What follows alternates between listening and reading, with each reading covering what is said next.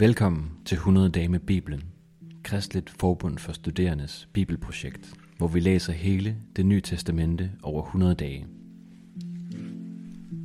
Dag 63.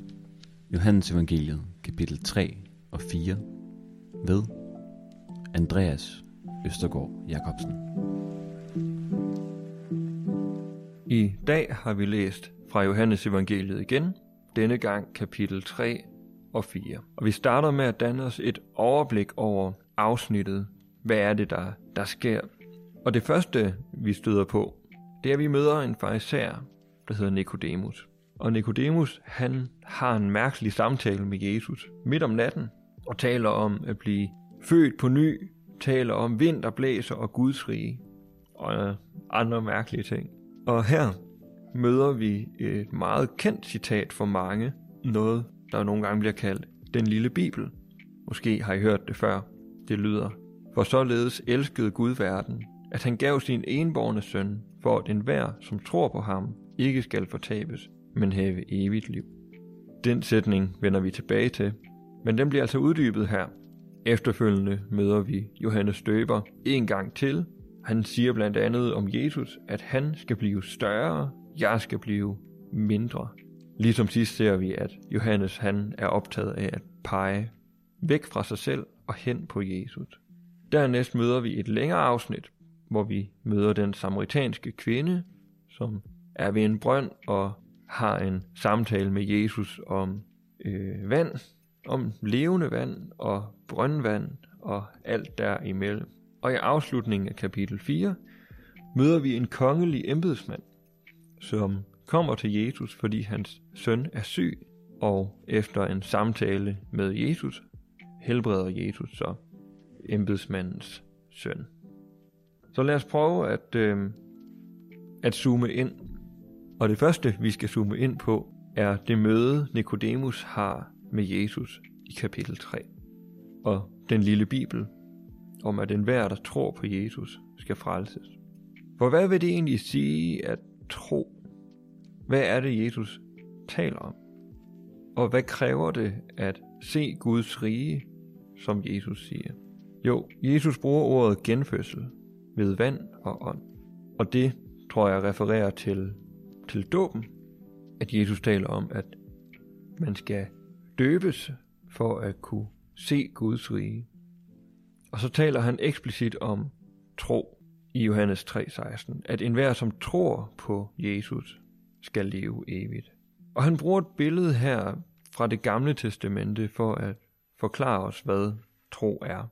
Han taler om en bronzeslange, som Moses rejste i ørkenen.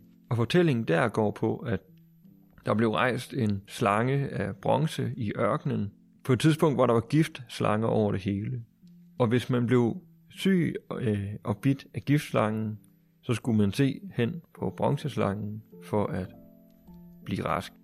Og tilsvarende, siger Jesus, fungerer det med korset, at ligesom man skulle se på bronzeslangen for at få livet, sådan skal vi se på korset og vente os alt godt derfra for at blive delagtige i det evige liv. Så er det også vigtigt at understrege, hvorfor Jesus hænger på korset. Hvad er det, der motiverer, at Guds enborne søn skulle dø? Jamen, det bliver ikke motiveret af, at Jesus han var lidt uheldig, og han kom på tærs af nogle religiøse ledere, og de fik ham ned med nakken. Nej, det bliver motiveret af Guds kærlighed, først og fremmest. Der står, at det var fordi Gud elskede verden, at Jesus han kom, og han kom for at lide på korset. Vi ser igen her i teksten i Johannes 3, at Jesus han kaldes lyset. Det var også noget af det, vi så på i går, hvor der står, at Jesus han kommer som lyset, der skal oplyse verden med sin varme, med sin kærlighed. Her får vi den her metafor uddybet. Og noget af det, vi lærer om lyset, det er, at det afslører, og det giver i virkeligheden meget god mening. Men lyset, det afslører ikke kun synlige ting. Det afslører også menneskets motivationer, menneskets gerninger og vores tilhørsforhold. Altså hvem vi eller hvad vi venter os alt godt fra. Og det her troen bliver så vigtig for Jesus i ordene her.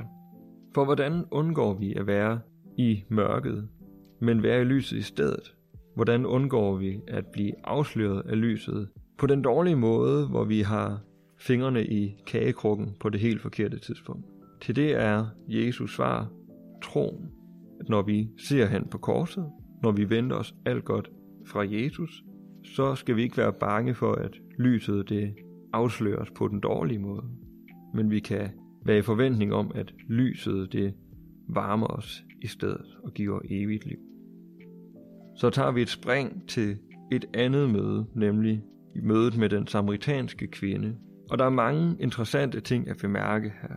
Den ene er, at Jesus han bryder normerne totalt. Han taler med en kvinde, hvilket var problematisk i, i samtidens øjne. Han taler med en kvinde, som endda er samaritaner, hvilket er mindst lige så problematisk i samtidens øjne. Og en kvinde, som er fremmed. Så han går meget langt og ud af kulturens forventninger og måske sin egen comfort zone for at møde det her menneske. Og de har en sjov samtale, hvor Jesus tilbyder kvinden levende vand. Og det kan være en mærkelig metafor. Hvad betyder det at modtage levende vand? For Jesus siger, at enhver, der drikker af det, ikke skal tørste igen, fordi at vandet bliver en kilde, som vælger med vand til evigt liv. Her ser vi nogle metaforer clashe sammen. Jesus har før talt om lyset, der afslører mørket og spreder godheden. Og nu taler han altså om vandet, som bliver en kilde i den, som drikker af det, som også giver evigt liv. Og den her slags metafor er meget typisk for Johannes evangeliet. Og Jesus han fortsætter og taler om, at der skal komme en time, hvor mennesket skal tilbede på en anden måde. Hvor mennesket skal tilbede med sand tilbedelse i ånd og sandhed, står der. Hvad i alverden taler Jesus om her? Den her vending, at der skal komme en time, den går igen og igen i hele Johannes evangeliet. Og det refererer hele tiden til Jesu lidelse og korsfæstelse. Når Jesus senere taler om, at timen er kommet, så er det altså der, hvor Jesus han overgiver sit liv. Så Jesus siger, at den sande tilbedelse, der skal være hos dem, som følger ham, dem, som er i lyset, tror ham og drikker af det levende vand, det har at gøre med korset.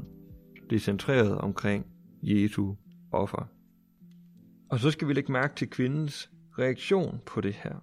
Hun er et vidne som Johannes Støberen.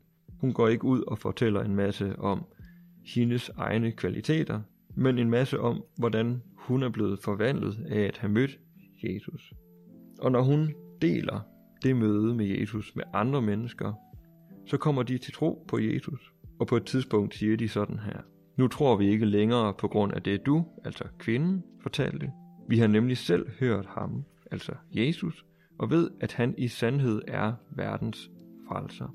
Så her har vi endnu et forbillede på, hvordan vi kan pege på Jesus, nemlig ved ikke bare at snakke om ham, men ved at lade mennesker smage selv og se Jesus selv, øh, og selv få et møde med ham.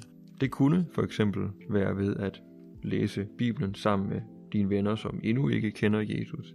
Der kan man få et konkret møde med ham. Hvis du har lyst til at følge vores læseplan, eller har lyst til at støtte vores arbejde med at formidle Bibelen, så gå ind på kfs.dk-100-dage, eller følg linket i episodebeskrivelsen. Tak, fordi du lytter med.